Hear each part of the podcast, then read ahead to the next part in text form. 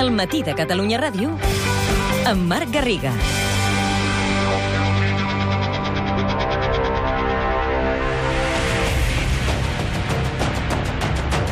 Trenta-cinc cops de fals. Els triquets.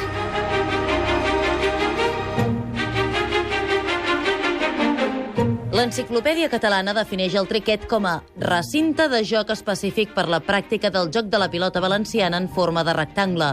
Doncs a la Catalunya de fa 300 anys, de triquets n'hi havia per tot arreu.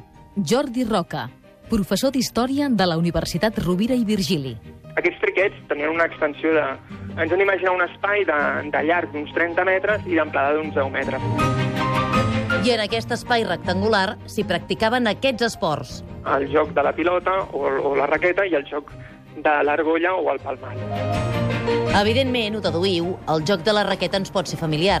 El de la raqueta és bastant fàcil d'imaginar perquè és un precedent del tennis, entre el tennis i el pàdel, diguem-ho així. Hem d'imaginar l'estructura de, la, de la pista una mica més gran que, que l'estructura d'una pista de pàdel i més petita que una pista de tennis, en la que podien jugar dos o quatre persones i el que el camp estava dividit per una xarxa. Òbviament, el que havien de fer era colpejar la pilota amb una raqueta.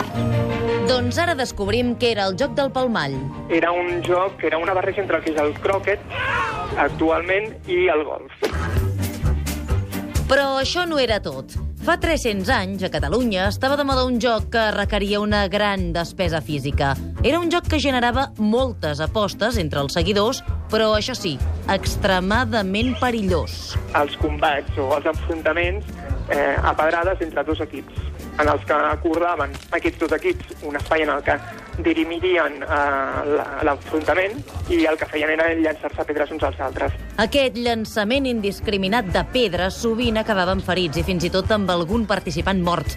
Una opció impensable avui dia, però que a principis del 1700 potser no ho era tant.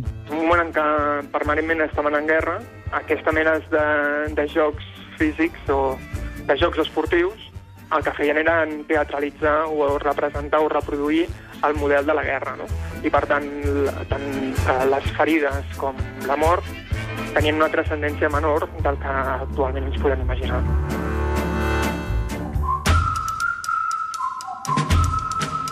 Trenta-cinc cops de fals.